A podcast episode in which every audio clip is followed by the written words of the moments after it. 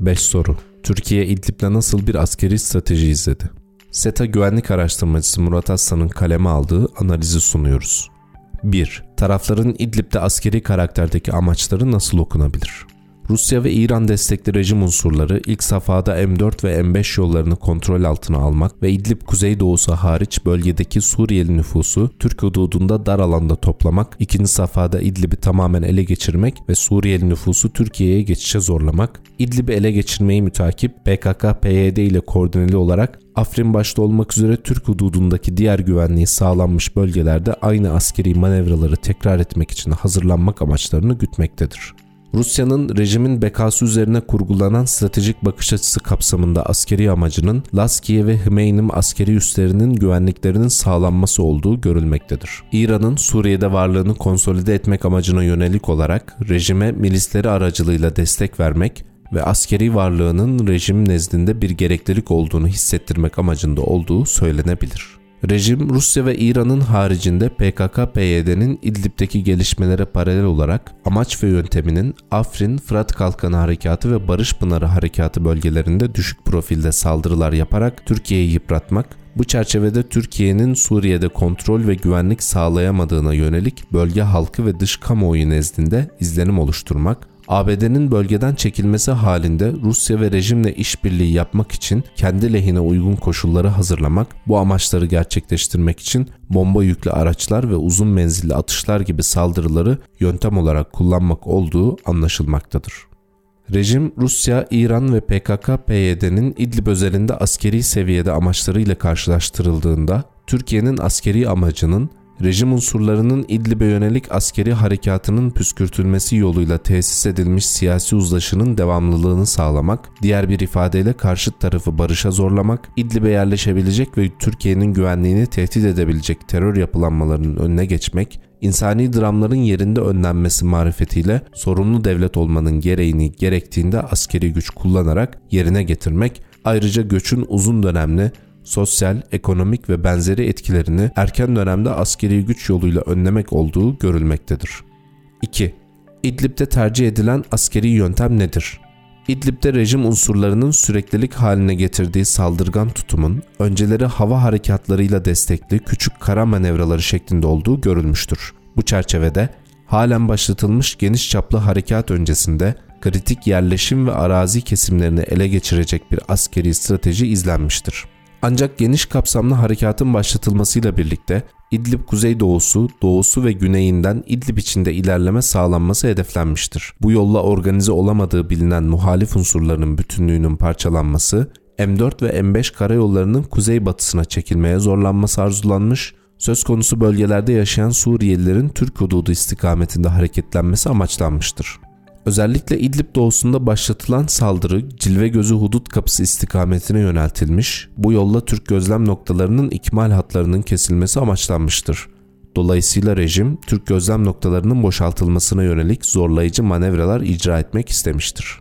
Türkiye rejim tarafından icra edilen harekatın amaç ve niyetini okuyabilmiş, bu çerçevede öncelikle caydırıcılık bağlamında Türk gözlem noktalarını takviye etmiştir. Ancak bölgeye sevk ettiği yeni unsurlarla Türk gözlem noktalarının sayısını arttırmış, böylece kuvvet yapılanmasında derinlik sağlamış ve güvenlik tedbirlerini üst düzeye çıkarmıştır. Rejimin saldırılarına devam etmesi üzerine İdlib'e sevk ettiği askeri güç miktarını arttırarak caydırıcı bir yığınaklanma yapmıştır. Arazinin nispeten düz karakteri ve yerleşim yerlerinin küçük ve dağınık yapısı nedeniyle askeri yığınaklanma yerleşim yerlerinin civarında tesis edilmiştir.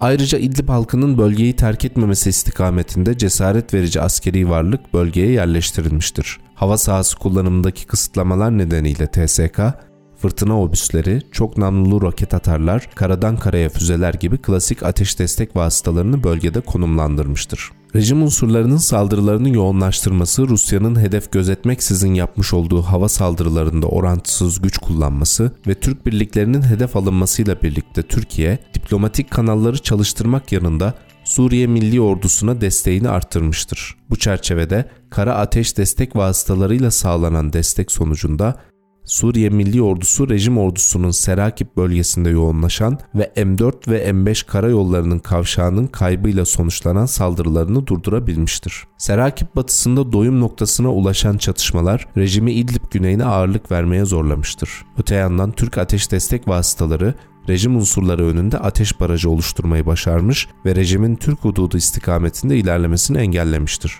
Bu nedenle rejim Türk unsurlarının doğrudan hedef almaya başlamıştır.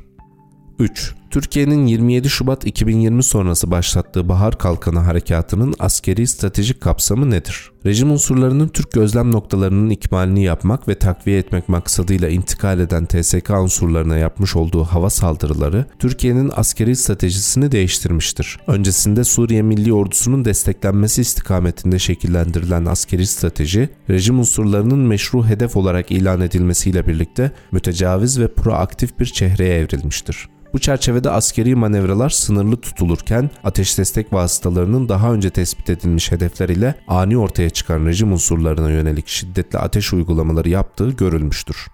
Ayrıca Suriye Milli Ordusu'nun ileri harekatı teşvik edilmiştir. Böylece Serakip başta olmak üzere kritik öneme haiz alanların tekrar ele geçirilmesine yönelik harekat başlatılmış ve muktedir olunmuştur. Rusya'nın hava sahası kullanımına yönelik kısıtlamaları ve bölgede konuşlanmış hava savunma sistemleri dikkate alındığında Türkiye savaş uçaklarıyla Türk hududunu geçmeden daha önce belirlenen hedefleri imha etmiştir. Bu çerçevede SA-17 ve SA-22 mevziler etkisiz hale getirilmiş, diğer hava savunma sistemlerinin radarlarını daha az aktive ederek rejim ve Rus hava savunma sistemlerinin etkinlikleri düşürülmüştür. Ancak söz konusu hava saldırılarında rejim ve Rus hava savunma sistemlerinin ayrımı yapılarak Ruslara yönelik harekata kısıtlama getirilmiş, bu yolla diplomatik ve siyasi kanalların açık kalması sağlanmıştır. Hava savunma tehdidinin azalmasına mütakip insansız hava araçlarının bölgede etkin kullanılmasının önü açılmıştır. 4. Hava sahası kontrolünü elinde tutan Rusya'ya rağmen İHA SİHA sistemlerinin başarıyla kullanılmasını ne sağladı?